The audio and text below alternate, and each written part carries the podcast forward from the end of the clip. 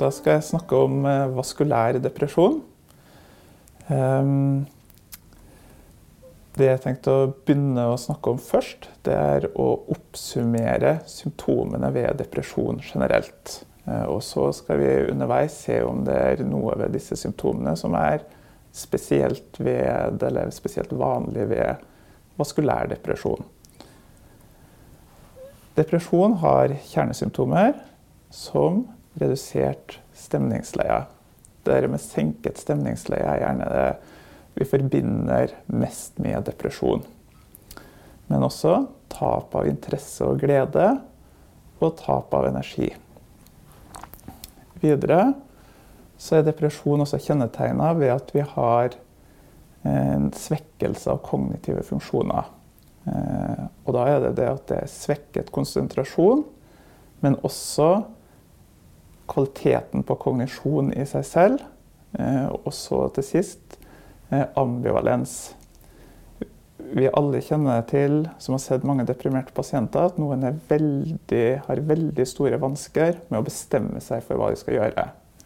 For eksempel, hvis de får tilbud om behandling med medisiner, så kan det bli veldig vanskelig å ta imot. Og så kan de velge å ikke ta imot medisin, men det blir like vanskelig. Og så står man der og vurderer fram og tilbake.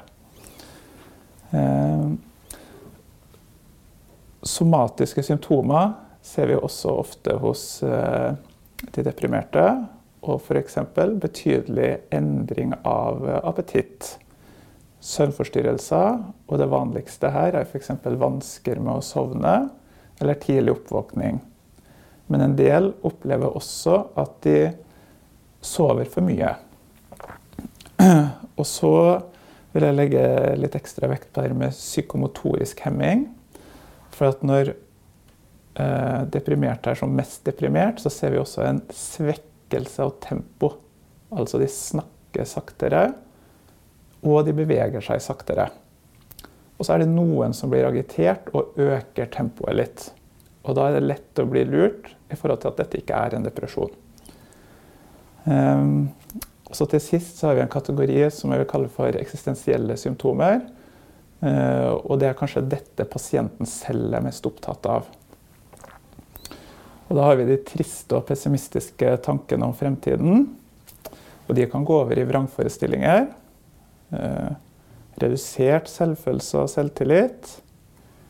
Før å føle urimelig skyld. Det sistnevnte er kanskje ofte mer vanlig blant unge enn hos eldre. Eh, og så har vi det her med selvskade og suicid også, som kan være en problemstilling. Da skal vi hoppe over til det hovedtemaet i dag, vaskulær depresjon. Og vaskulær depresjon det er en hypotese som omhandler en mekanisme som ligger bak depresjon. Og da tenker man at det er cerebrovaskulær sykdom som er delaktig i selve sykdomsprosessen. Eh, og så tenker man da at den cerebrovaskulære sykdommen disponerer for å utvikle depresjon og fremskynder depresjon. Og kan også være med å vedlikeholde depresjon.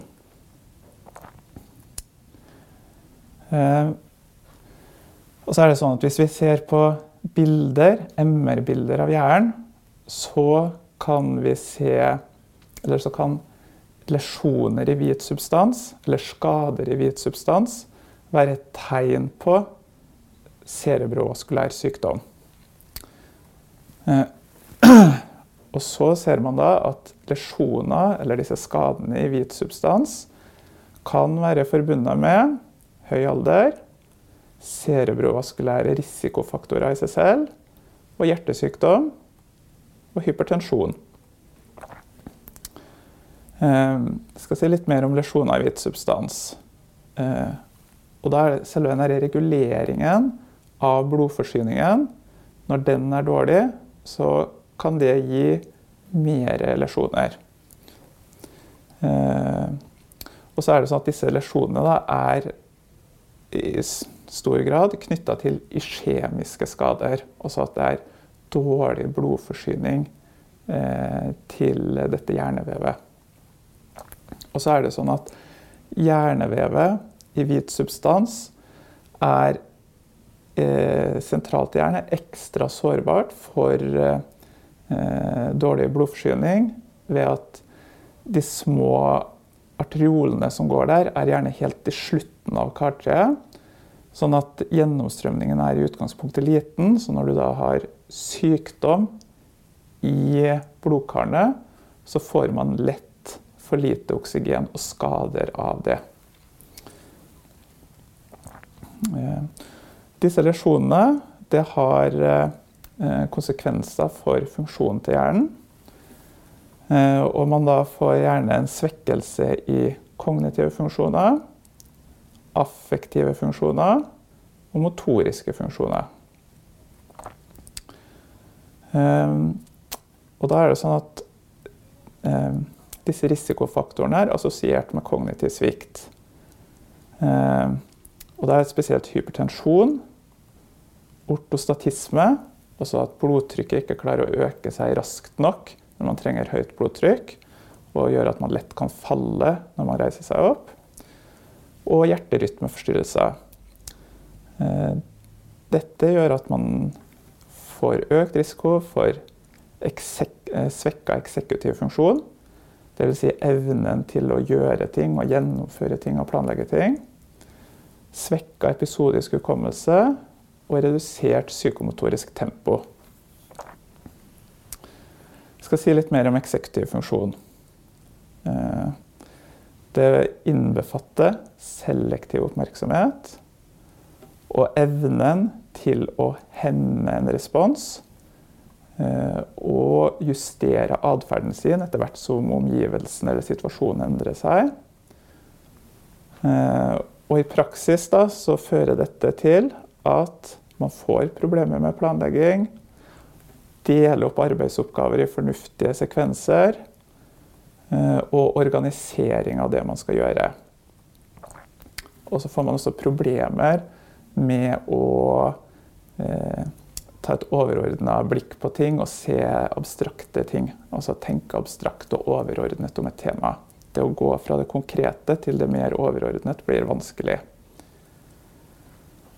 Um, og så er det sånn at eksekutiv dysfunksjon hos deprimerte er slik at deprimerte med eksekutiv dysfunksjon har i større grad redusert flyt på det de gjør, svekka evne til å sette navn på ting de ser. De har økt Eh, grad av mistenksomhet. Og de er mer aggressive både mot seg selv og andre. Mer irritable kan de da oppleves som. De det er anedoni, også mer sånn likegyldighet og manglende evne til å glede seg.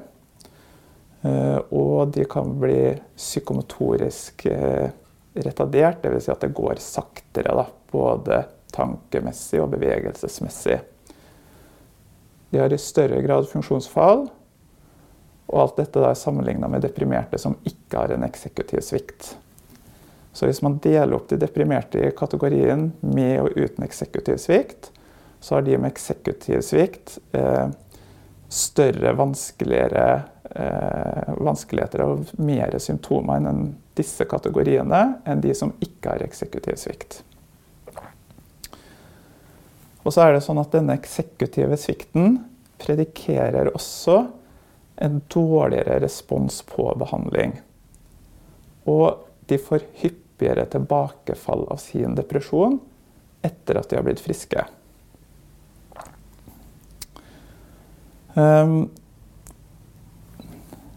Og så er det sånn at når man ser på det her med vaskulære faktorer, og kognitiv funksjon, så er det sånn at kognitive funksjon predikerer forløpet bedre enn det de vaskulære faktorene gjør.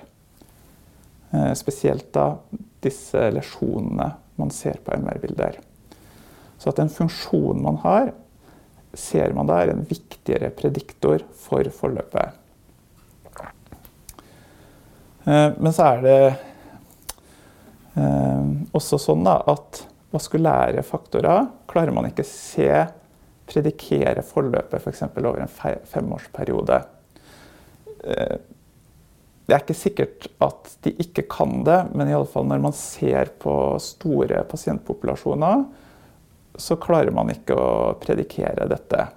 Men det betyr jo ikke at vaskulære ikke betyr noe. Men det betyr kanskje at uh, pasientgruppen er veldig uh, mangfoldig, og at en del effekter kan forsvinne uh, i det store bildet. Da. og så er det jo sånn at redusert blodgjennomstrømming i hjernens arterier kan predikere hvordan det går med depresjon. Og så ser man også at de som har hatt små infarkter, uten symptomer har betydelig økt risiko for depresjon. Eh, og så ser man også at hvor disse lesjonene i hjernen sitter, kan ha betydning for risiko for depresjon. Så hvis noen deler av eh, hvit substans, så kanskje ikke det betyr så mye, og andre deler av hvit substans kan det bety mye for at utvikling av depresjon. Eh, dette er det gjort noen studier på, men det er også litt sprikende funn. Så hvor, eh, hvor mye den lokalisasjonen betyr, vet vi ikke helt sikkert ennå.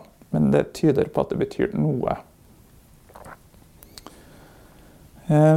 Jeg skal prøve å oppsummere litt med, i forhold til vaskulær depresjon og mekanismer her. Så hvis vi ser her, så har vi en sånn trekant mellom depresjon, eh, kognitiv svikt og vaskulære risikofaktorer. Så er det sånn at alle disse tre eh, punktene her påvirker hverandre. Eh, men iallfall vaskulære risikofaktorer gjør at man får en eh, svekket kognisjon. Det kan iallfall føre til det. Så ser det ut som at den svekkede kognitive evnen øker i alle fall risiko for depresjon. Nå er det sånn at Man kan også se at en del vaskulære risikofaktorer øker depresjon i seg selv. Men når man korrigerer for alle sammenhenger her, så ser det ut som at den kognitive svikten da er det aller viktigste. Um, og så um, Ja, vi kan uh, si litt til om den. Da er det sånn at um, Vaskulære risikofaktorer må vi se på som en risikofaktor for depresjon, på samme måte som vi ser på indre psykologiske eh, konflikter eller relasjonelle problemer eller eh, andre psykososiale forhold som kan disponere for depresjon. Så spesielt hos eldre så må vi tenke på at Eh, vaskulære faktorer i seg selv kan bidra til utviklingen av depresjon. Og hva betyr da dette eh, i et sånn klinisk perspektiv? Det betyr bl.a. at det å forebygge hjerte-karsykdom også kanskje kan forebygge eh, utvikling av depresjon, og iallfall redusere risikoen. Og da at hjerte-karsykdom er en selvstendig risikofaktor for depresjon. Ehm, da skal jeg helt til slutt prøve å gå tilbake til den lista over eh, symptomer på depresjon. Og se litt på om det er noen av disse som karakteriserer vaskulær depresjon mer enn andre symptomer. Ehm, og innen kjernesymptomene så tap av interesse og glede, også litt det her med anhedoni, og tap av energi også, eh, karakteriserer vaskulær depresjon i større, grad enn depresjoner uten vaskulære eh, faktorer. Eh, også i forhold til kognitive symptomer så er kanskje her med kognisjon, og da spesielt eksekutiv funksjon, innen eh, det kognitive gebetet er viktig. Sånn at eh, det å Når man får en pasient, og spesielt med vaskulære risikofaktorer, så er det viktig å kartlegge den eksekutive funksjonen. Og den kan være litt eh, vanskelig å få tak i, fordi at disse kan redegjøre godt for seg. De kan huske godt, men de har problemer med å gjennomføre ting. Så her må man da grave litt dypere. Og så på somatiske symptomer så er det spesielt det med psykomotorisk hemming. At de vaskulære faktorene kan gjøre at tempoet går litt ned. Eh, og så kan det være at de også er litt mer agitert enn andre. Eh, og så de eksistensielle symptomene. Man kan jo tenke seg at de eh, med vaskulær depresjon også er mer utsatt for selvskade eller suicid, ut fra at de er mer agiterte. Men dette har jeg ikke funnet noe litteratur på, sånn at det blir litt spekulasjon. Men vi kan jo ha det i bakhodet. Takk.